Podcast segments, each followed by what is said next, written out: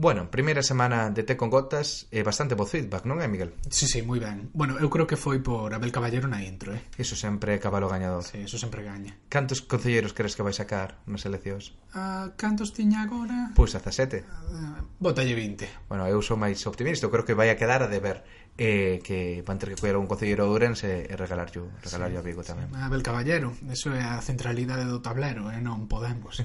e de centrismo no Reino Unido do que imos falar hoxe, dentro e intro. Think about Brexit. What, what's that? Like? Order! The nose to the left, 432. Wow. With the light, with the music, very welcome everybody here. A Brexit question in English, if you don't mind. Bueno, no, hombre, no vamos a hacer. Venga, adelante. ¿Quiere usted hacer el puñetero favor de largarse de aquí y de... No va usted a hacer nada ya. Do you like a cup of tea? Yeah, sure. Go on, have a cup of tea. Thank you, thank you. Bueno, Miguel, que pasou desde, desde que gravamos o último podcast de hoxe? Pois pasaron cousas bastante interesantes. Bueno, o Brexit perdeu algo de protagonismo, eso sí. Manda truco, sí. Sí, pero eh, o, o panorama político estivo bastante movidiño. Houbo unha escisión, bueno, dúas escisións, eh, de nove deputados do, do Partido Laborista e de tres diputados do Partido Conservador, que constituíron un grupo chamado The Independent Group, que de momento non se sabe moi ben o que é. Nin se saberá, dame a mí nos próximos semanas. Sí, de momento o único que están facendo é recabar fo é recoller fondos, eh, pero ainda non se sabe se se van a constituir en partido ou non. Mm. As razóns no caso dos laboristas creo que foron bastante, bueno, bastante diversas, pero ten que ver un pouco coa discrepancia importante que ten eh, este grupo de, de oito persoas co liderado de Corbyn de, do Partido Laborista. Eh, tendo en conta que o discurso do partido foi xirando a esquerda moito desde, desde o ano 2015 esta xente marchou do, do Partido Laborista fundamentalmente por discrepancias en torno a catro grandes áreas. Unha é mm, o segundo referendo. Todos estes deputados queren que se convoque un segundo referendo sobre a saída da, da, da Unión Europea.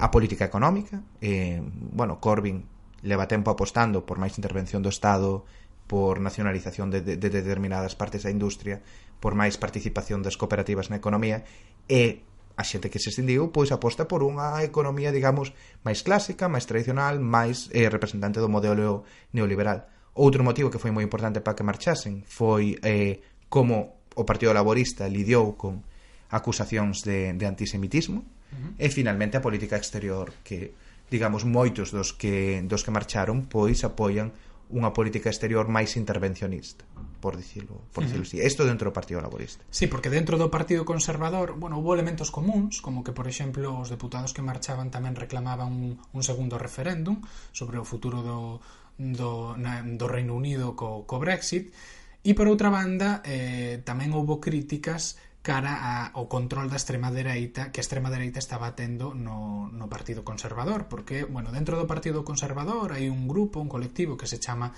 a European Research Group que, que bueno, que son... querería decir Grupo de Investigación Europea pero tampouco fan moita investigación. No, non fan moita investigación. Sí, bueno, é bastante paradóxico que usen ese nome cando precisamente o que queren é eh, cortar todo tipo de vínculo con a Unión Europea. Efectivamente, sí. Pero, bueno, sí, son quizáis a, a persoa máis coñecida coñecida dese grupo é Jacob Rees-Mogg, que é un deputado, bueno, non sei como definilo, excéntrico... Bueno, eh... Excéntrico e coñécese popularmente como o deputado polo século XVIII. Sí, exacto. Eh, es un pouco volver a los, eh, a los tiempos de Oliver Twist, eu creo que, sí. que o que pretende. Eh, E, bueno, estes deputados precisamente o que están a dicir é que Teresa May e, bueno, a postura do Partido Conservador nos últimos, nos últimos meses na coa xestión do Brexit está basicamente marcada por este grupo mm, extremista.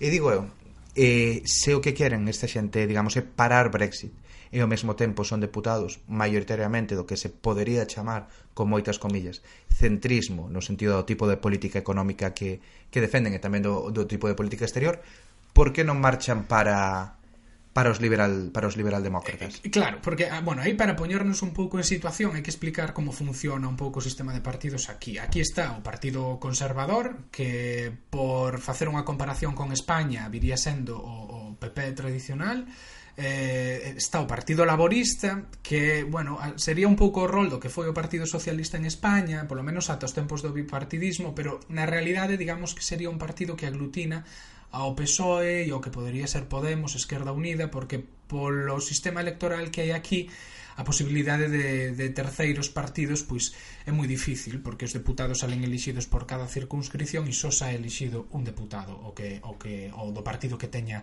máis votos.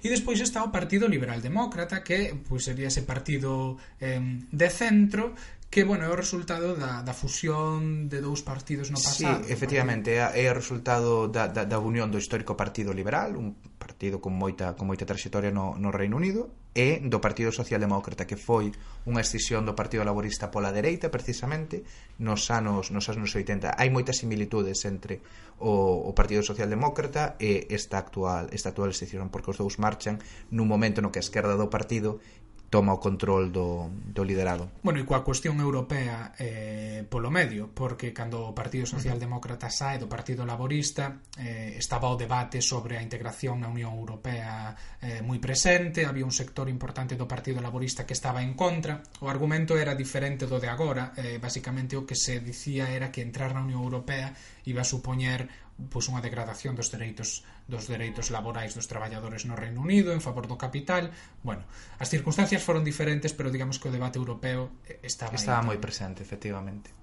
Eh, Pero retomando un poquinho de por que non marchen para, para os liberaldemócratas, quizáis é porque, bueno, non sei se Miguel estará de acordo, pero tamén polo papel que xogaron os liberaldemócratas hai uns anos, cando pactaron cos conservadores e gobernaron cos conservadores en coalición no ano 2010, que foi precisamente cando o goberno opta por aplicar as políticas de, de austeridade que mesmo levaron a unha subida das tasas universitarias moi alta, unha política a cal os liberaldemócratas prometeran e comprometeranse a non apoiar entón a imaxe pública do partido está moi dañada. Eu creo un pouquiño que este grupo de descendidos non queren asociarse demasiado, non? Con, con un grupo que é tan impopular entre sectores do electorado. Sí, porque eh, os liberaldemócratas eu creo que públicamente recoñecen que se fixeron cousas mal durante o tempo da coalición cos conservadores, pero aínda non acabaron de mm, aínda non acabaron de explicar que ofrecerían de diferente con, respe con respecto ao que foi o seu paso polo, polo goberno. Entón eu creo que, bueno, ten certo sentido que non queiran que non queiran vincularse con esa forza que agora mesmo non está nin no seu mellor momento, a pesar de que poderían estar aproveitando uh, mellor a cuestión um, bueno, do, do, do Brexit, de que eles teñen unha postura claramente a favor de, de quedar na Unión Europea e tampouco teñen ningún líder uh, agora mesmo moi carismático. No. E, e agora, precisamente que falábamos o que mencionábamos eh, desta, desta antiga escisión do Partido Laborista ao Partido Socialdemócrata, tamén trae moitos recordos sobre os riscos electorais que pode afrontar unha forza nova como neste caso o Independent Group. Bueno, o nome posiblemente cambiará nos próximos meses que que nun cun sistema electoral que como Miguel como ti comentaches un poquinho antes penaliza moito os terceiros partidos polo sistema electoral de que se elixe un deputado por cada circunscripción, entón, se aínda que saques o 45% dos votos, outro partido sacou o 46, xa literalmente non sacas nada de ah, representación. Okay. Entón, iso non fai nada fácil que haxa outros partidos que entren no Parlamento e pode servir para dividir moito o voto uh -huh. dun dos, digamos, espectros ideolóxicos e favorecer que o, o, o oponente pois pues, gane con, con unha maioría máis clara. E Iso foi o que lles pasou o Partido Socialdemócrata eh, nos 80 con, contra, Margar, contra Margaret Thatcher, que sacaron moitísimos votos, pero moi poucos deputados, e iso favoreceu que Thatcher gobernase con, con maiorías moi moi amplas. Bueno, e hai un temor eh, agora entre a xente e a dirección do Partido Laborista a que pois nestas constituencies onde a, a, a proporción, a porcentaxe de votos está moi cercana ao do Partido Conservador, a aparición dunha forza a, con antigos membros laboristas poida restar os votos suficientes como para que o deputado pois se pase, pase a ser conservador en lugar de laborista. Por lo tanto, a pesar de que esa forza, esta nova forza, en caso de finalmente constituirse, pode ser que non teña moitos diputados e que pode facer moito dano uh -huh. e pode condicionar moitas moitas cousas. Pero si un pouco, ti que crees que pode ofrecer un partido como como isto, como de Independent Group, o que pode ofrecer a este país o un o vocentrismo a día de hoxe?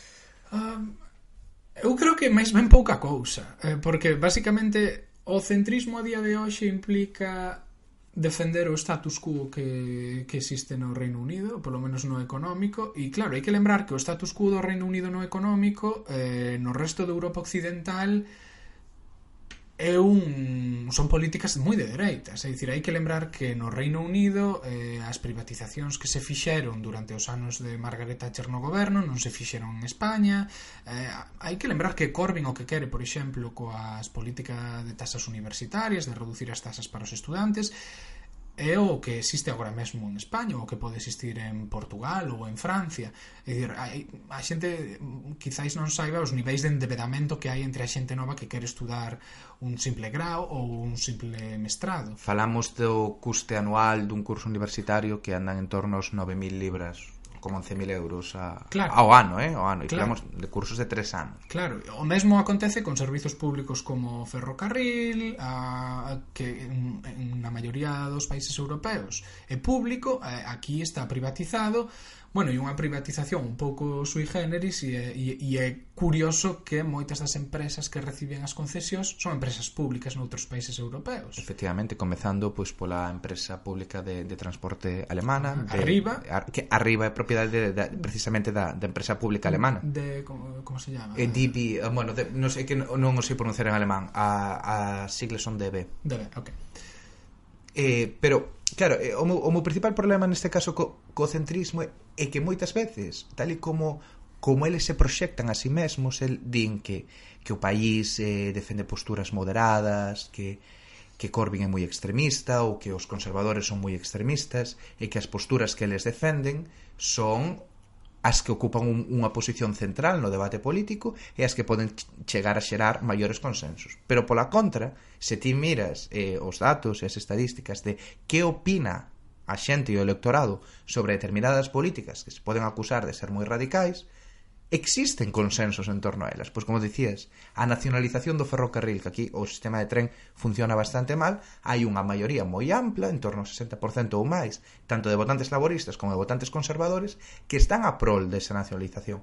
As intervencións en países eh, en países de Oriente Medio, por exemplo, non son particularmente populares despois do, do fiasco do fiasco de Irak e esta xente pois, é moito máis intervencionista en contra da opinión da opinión maioritaria.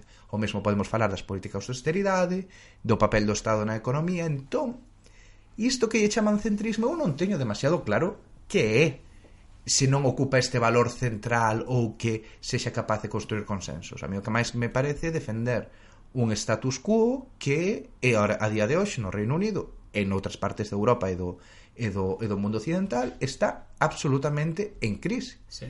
E non, non, non creo que sexa per se algo, algo positivo.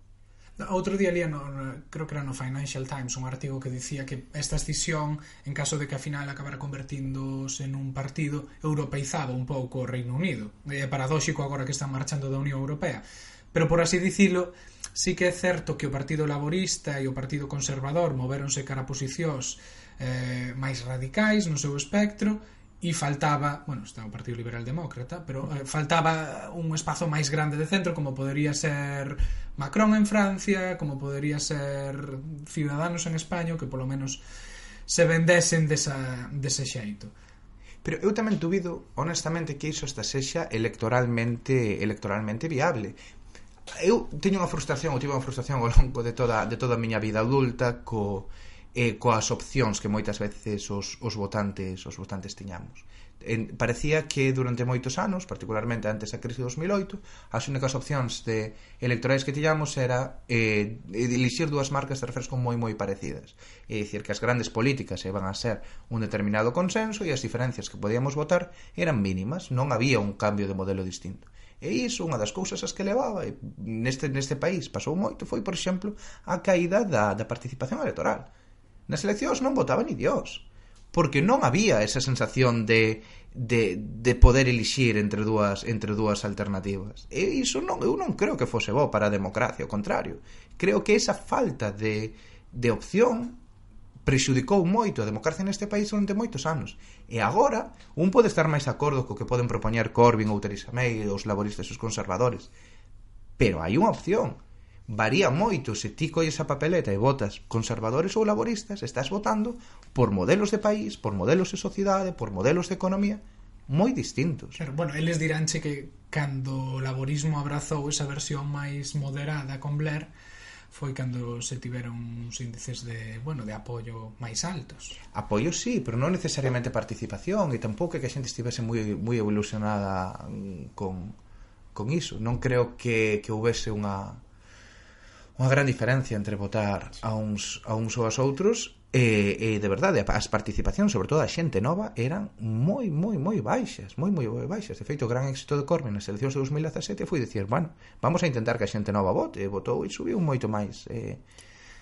Sí, e ata que punto non non pensas que estas decisións do, do Partido Laborista non non son responsabilidade en parte da nova dirección e sobre todo do entorno da nova dirección, do que podería ser Momentum, porque bueno, eu podo entender que ideolóxicamente eh, pois sí que é certo que teñen unhas propostas ah, máis radicais, máis de esquerdas, pero como partido que aspira a gobernar, sendo consciente de, de cal é a realidade electoral e o sistema e o sistema electoral aquí, deberían tamén ser un pouco coidadosos a hora de evitar este tipo de, bueno, de decisións, porque ao final o que poden é, é causar bastante dano. Ah, sí, é verdade, sobre todo eu creo que, e non sei se estarás de acordo comigo, pero hai unha cousa que, que eu creo que fixo moito daño ao Partido Laborista que se cadar non xestionaron particularmente ben, que foi o tema das acusacións de antisemitismo.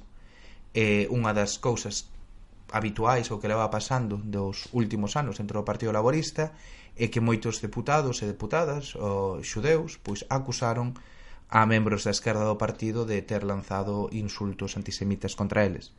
E se cadra o partido non foi suficientemente contundente nesa eh, en, en lidiar con eses casos, non sei se si, que opinas. Sí, é certo que nalgúns, nalgúns casos sí que eran comentarios e insultos claramente antisemitas, pero noutros, e eu creo que isto pasa non só no Reino Unido, sino nos Estados Unidos tamén, se confunde antisemitismo con simple oposición ao que son as políticas do, do Estado de Israel.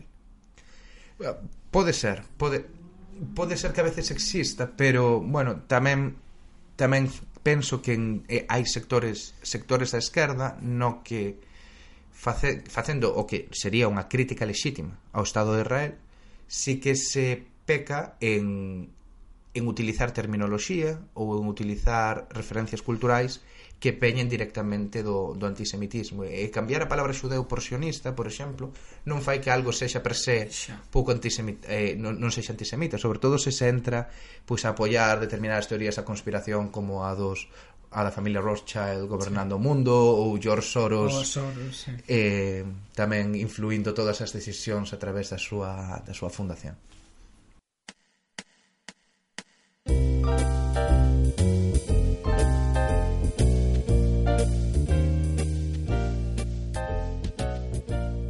e pasamos de falar de centrismo a falar do mundo das artes. Hoxe temos connosco a Tamara Lorenzo Gabeiras, que é pianista, directora de orquestra e unha das fundadoras de Xoga, a Xoven Ópera Galega, que o ano pasado produciu a primeira ópera en galego no, no Reino Unido.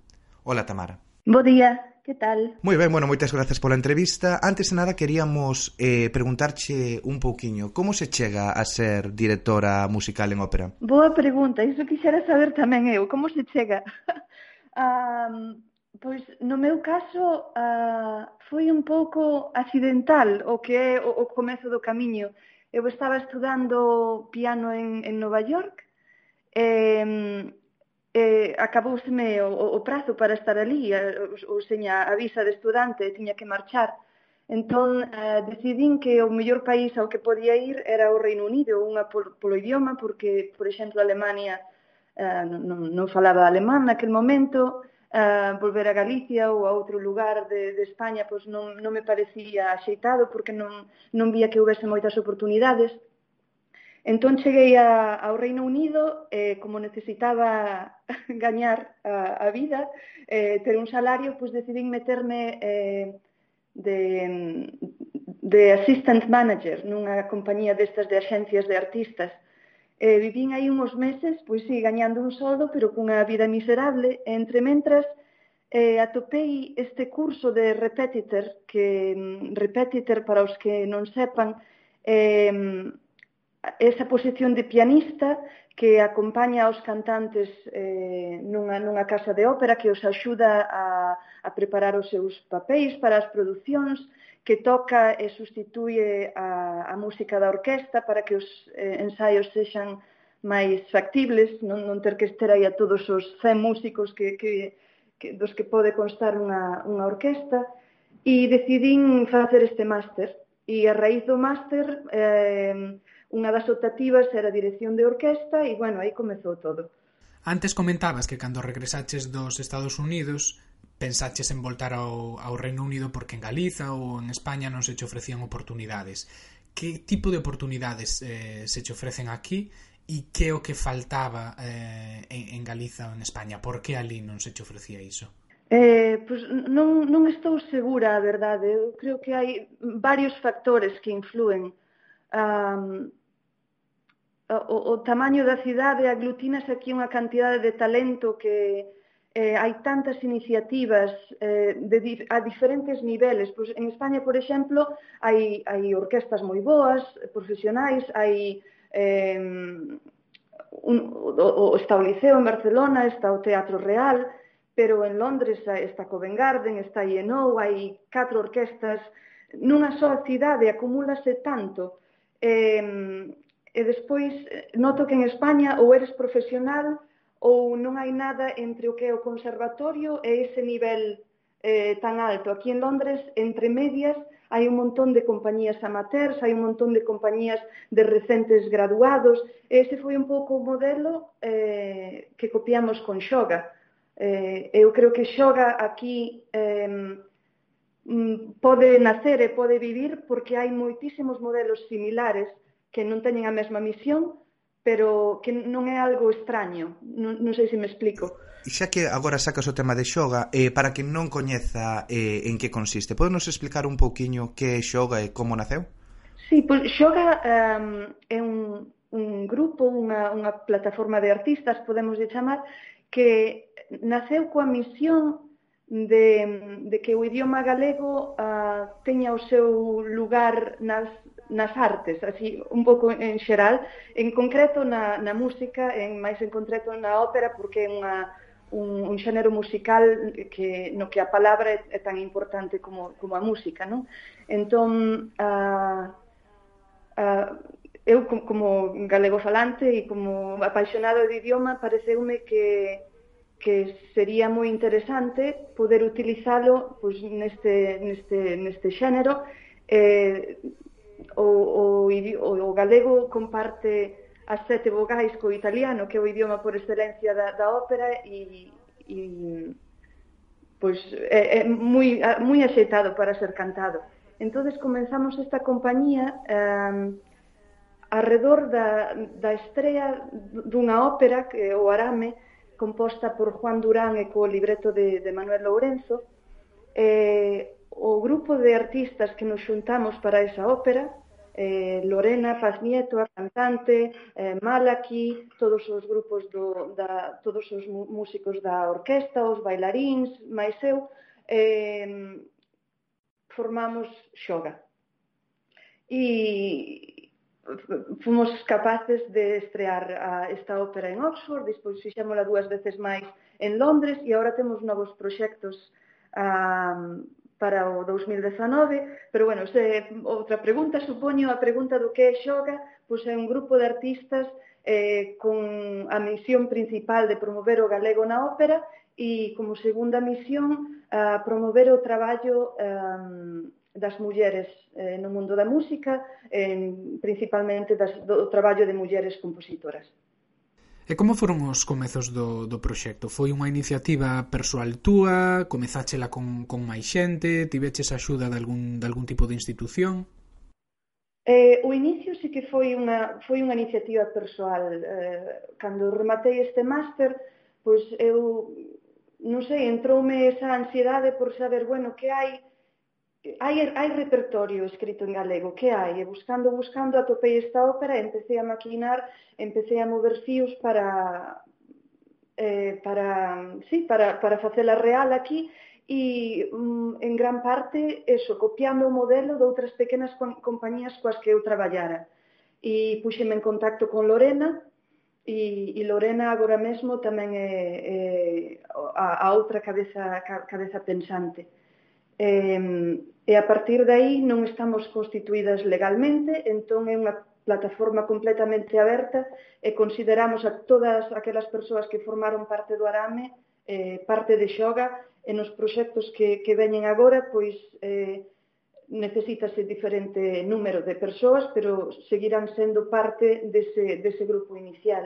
E apoio, tivemos apoio um, económico de, do Borough de Kensington en Chelsea, pois a, eh, solicitando axudas individuais, porque claro, ao non estar constituídas aínda como charity, eh, tamén da eh, Spanish Scientific Office, eh, non, espera, estou dicindo o nome mal, ah, é parte da Embaixada Española, pero é unha a oficina que se ocupa de, dos uh, asuntos culturais e científicos, e, por suposto, moitísimo apoio de, de Begoña, da, da profesora de Galego no Cañada, eh, tamén de Xaime, do, do anterior... Uh, eh, profesor de galego e de, de BEA, que é parte do, do Galician Film Forum. Para min, eh, tanto Begoña como Xaime son realmente o, o centro galego de, de Londres, porque, bueno, ahora que escoitei os vosos podcasts anteriores, eh, eu recordo chegar a Londres e a primeira cousa vas á rede e ves a ver que, que galegos hai aquí, que hai, que se move, e, e, e foi un, un, un regalo poder contactar con Xaime porque era un auténtico embaixador e Begoña sigueu o traballo, eh, bueno, continuou con, con ese papel e son fantásticos os dous e eles axudaron moito a, a xoga. E mira, eh, antes mencionaches que, que, que ao principio con Xoga fixeches investigación a ver que libretos había escritos en galego. O Arame é a única ópera a única ópera en galego? Non, hai máis, hai máis. Eu, cando descubrín o arame, pensei que era a única, ah, pero hai máis.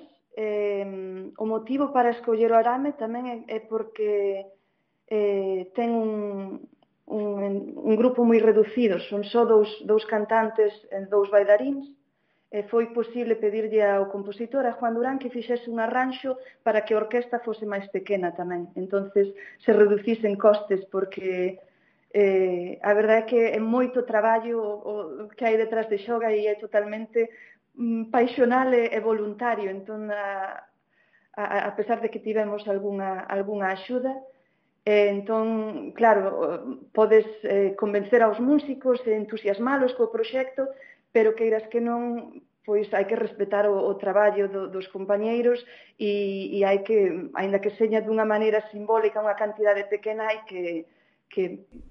Hai que retribuir, claro. Exact, exactamente.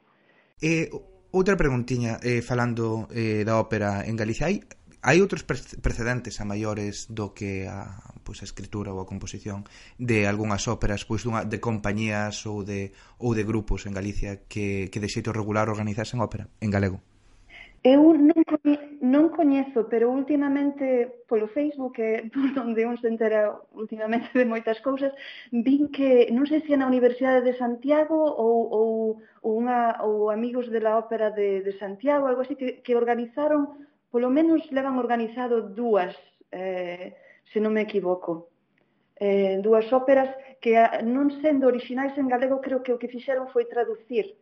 Eh, a ópera italiana ao galego. Pero, bueno, non quero contar mentiras por aquí, pero é do, o único que, que me sona. Despois están as, as sociedades de amigos de la ópera da Coruña, de Santiago e de Vigo. A, de, a da Coruña foi a que estreou uh, o Arame no 2008, pero a partir dai a, eh, a súa programación é de, de ópera noutros idiomas. E, e o idioma vehicular deles é o castelán, tanto deles como da, da Orquesta Sinfónica, eh, sí, non, non se utiliza tanto o galego, me parece a min, a, na música. Bueno, isto non, é, non, non é unha pregunta, máis ben unha reflexión, pero eh, pareceme paradóxico que eh, despois de tantos anos siga sendo a emigración un pouco que a nivel cultural teña que, que tomar a iniciativa deste tipo de proxectos usando a nosa lingua, non?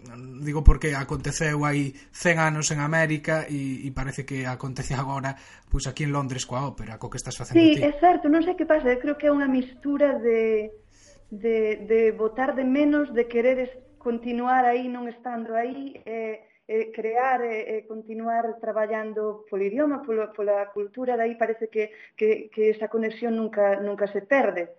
E, e despois hai cousas que, que sí pode que sexan incluso máis interesantes do que poidesen ter sido se si un se que... Eu non me imagino quizáis ter comezado isto si, si nunca saíse de Galicia. É unha cousa curiosa, paradóxica, pero sí. Claro. E, e xa mirando un pouco máis cara, cara ao futuro, mirando cara este ano, eh, que proxectos tedes na, a, bueno, para sair, ou está no prelo para sair? Eh, pois agora mesmo estamos eh, adaptando o, o irlandés astrólogo a obra de teatro de Luis Seoane, eh, convertindo-a nun libreto de ópera e unha compositora sudafricana, Amy Cranshaw Luyendijk, está compoñendo a música, eh, A, a parte, eh, eh, contamos poder estrear este verán e estamos traballando a, a tope para poder rematala. Eh, outro proxecto mm, é Un momentillo, entón aquí estades xa dando un paso un paso máis porque fronte fronte ao Arame, estou pensando porque o Arame era xa unha unha ópera e o, intre, o irlandés eh, astrólogo era unha inicialmente pensada para teatro, non? Sí, exacto, era para teatro, pois agora estamos nos adentrando máis no que é a comisión e creación propia, eh, porque eh, non hai moito escrito en galego, intentamos acceder ás partituras de, de Eduardo Losada, eh, que están eh, na Academia de Bellas Artes da Coruña, eh, e foi, a, creo que, a, a primeira ópera escrita en galego, o Mariscal, eh, queríamos poder representarla, y, y, pero solo nos permitieron acceder ás partituras e consultalas en sala, pero non nos permitiron, eh, quizás por, por dereitos eh, dos familiares, do compositor, ou, bueno, non sei por que motivos, entón decidimos que, como o repertorio é limitado, comezar a, a crear nova ópera. Pero como isto leva tempo, eh, o que vamos facer é proxectos paralelos este ano temos dous, a comisión do, do irlandés astrólogo, eh, por outro lado, un concerto no Omnibus, que é unha, un dos teatros nos que, nos que presentamos agora en Londres, eh, con música de só de mulleres compositoras. Cando fixeche desa presentación da, da primeira obra en galego, como foi a acollida? Tanto entre o público como entre, bueno, a, a xente do mundo da ópera aquí, aquí no Reino Unido. Eh, pois creo que tivo máis repercusión nos medios en Galicia, porque foi algo eh, especial que esta ópera que só se representara unha vez na Coruña, eh, pois dez anos despois, de repente, eh, recibe tres producións no, no Reino Unido. Eh, entón, sí que ali nos medios, nos, nos periódicos, eh, é verdade que tivemos moito apoio tanto de Manuel como de, como de Juan, eh, eles, pois, eh, eh, sí que mm, espallaron a, a palabra de que isto estaba pasando aquí. Eh, despois con, contábamos ter máis máis audiencia, fixemos todo o posible, pero claro, a ópera é un, un, un xénero que é de difícil acceso si, si non para, para unha persoa que vai por primeira vez, e por outra parte ten esta tradición de xénero elitista que creo que, que é algo que tamén nos gustaría cambiar desde xoga porque eh, é unha falacia, me parece, porque a, a, unha entrada para un partido de fútbol é moitísimo máis cara do que pode ser unha entrada para para un, incluso para Covent Garden, unha entra, podes conseguir entradas por 17 libras a ese estudiante e, e entradas por, por 20. Non sei canto costa un partido do Manchester United, pero Eh, Moi, moito máis. Moito, moito máis. Pois, eh, pois aí está, non, eh, pero ten esa, esa tradición eh, de ser unha, un, un, un xénero para, sí, para a élite. Eh, e, en, Entón un pouco para para romper esta esta idea ou para face, a, a, facer que a, a ópera sexa máis accesible, se si tiveses que recomendarlle a algún das persoas que nos estes coitando e que nunca foi a ópera, que escoitase ou que fose ver unha ópera que lle dirías? Sí, que, que lean a historia primeiro igual igual na casa de que, de que vai, porque sí que é difícil eh, pola, pola forma de cantar, pois non, non se escoitan todas as palabras, pero tampouco eh, é ese o... Eh, eh, a ópera combina tantas artes, combina o, o que o, o texto, a, a actuación, a, a música, a, o deseño do, do, do escenario, algunhas veces combina co, coa danza. Eh, entonces é estar aberto a recibir todos esos eh, impulsos desde diferentes ángulos, eh, non esperar unha representación naturalista que se podría esperar no, no teatro, por exemplo. Eh, eh, estar aberto a, a que isto vai ser algo máis, que non se vai entender todas as palabras, pero eh, eh, estar eso, eh, aberto a ese sentimento que chega desde a música, que chega desde o visual, que chega des, desde a actuación dos, dos, dos cantantes que está noutro rexistro que non é o rexistro pois eso, da, da representación naturalista que se espera hoxe pois, no cine ou, ou, ou do que estamos máis acostumbrados a, a, a percibir. Bueno, Tamara, e xa para rematar, aquí no Te con Gotas temos unha tradición e é que sempre poñemos o noso entrevistado nunha situación un tanto ficticia. Poñámonos no caso de que vivimos nunha Galiza distópica na que ti puidera ser conselleira de cultura eh, con plenos poderes para darlle un pulo á industria musical eh, e dentro da industria musical a, a ópera eh, terías o orzamento que quixeras, poderías aplicar as leis e ter o teu servizo persoal que quixeras, que farías? A ver, tantas cousas que faría eu. Pero unha delas... Pensa nunha, primeiros 100 días. Eh, eu non sei se, se fose posible que non se aglutinara todo nas cidades, que no campo, que no rural, que houvese máis actividade cultural, que as compañías, eh, sí, fosen de xira máis, que... Eh, que se utilizase máis o galego nas, eh, pois como dixen antes, a orquesta sinfónica, a, na, nos, no que no, no cúmulo ese profesional, eh, que as oposicións aos conservatorios eh, quizás cambiase a forma do exame, que fose máis, que contase máis o práctico e non tanto o, o teórico. Hai tantas cousas. uh, non sabría... Bueno, pois co, com, como doutrina do shock para os primeiros 100 días non está mal. Non, non está mal. bueno, pois moitas grazas por, polo vosso tempo, pola entrevista, pareceme maravillosa esta iniciativa que estades a ter co podcast e eu xa son moi fan. Pois moitas, moitas grazas, gracias. Tamara, grazas a ti. Bueno, Miguel, que che pareceu?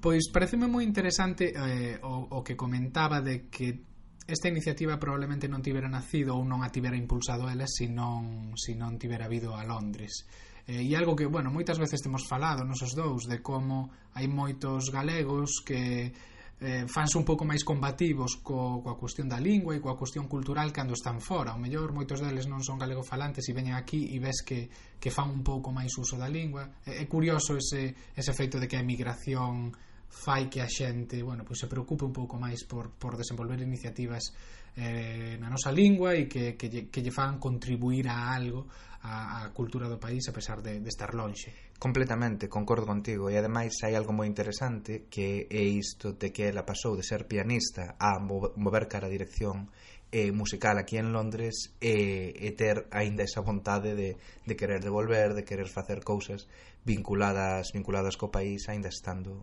pois eso, a centos e centos de kilómetros.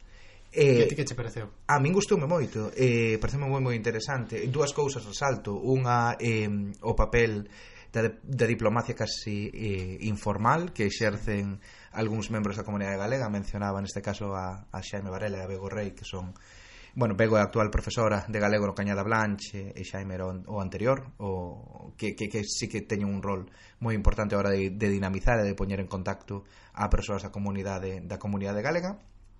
E tamén me pareceu moi interesante o que dicía da ópera pues, como xénero máis elitista. E pareceme, bueno interesante desde logo animar a xente a que a que expandan as súas fronteiras musicais e intenten escoitar cousas distintas. Sí, sobre o que dicías da para diplomacia, o que non se podería facer se, si, se si desde as institucións se apostase realmente por ter unha diplomacia de verdade. Sí, bueno, eso xa sería, pero xa se nos estaríamos metendo a Galicia distópica. Sí, a Galicia distópica, efectivamente.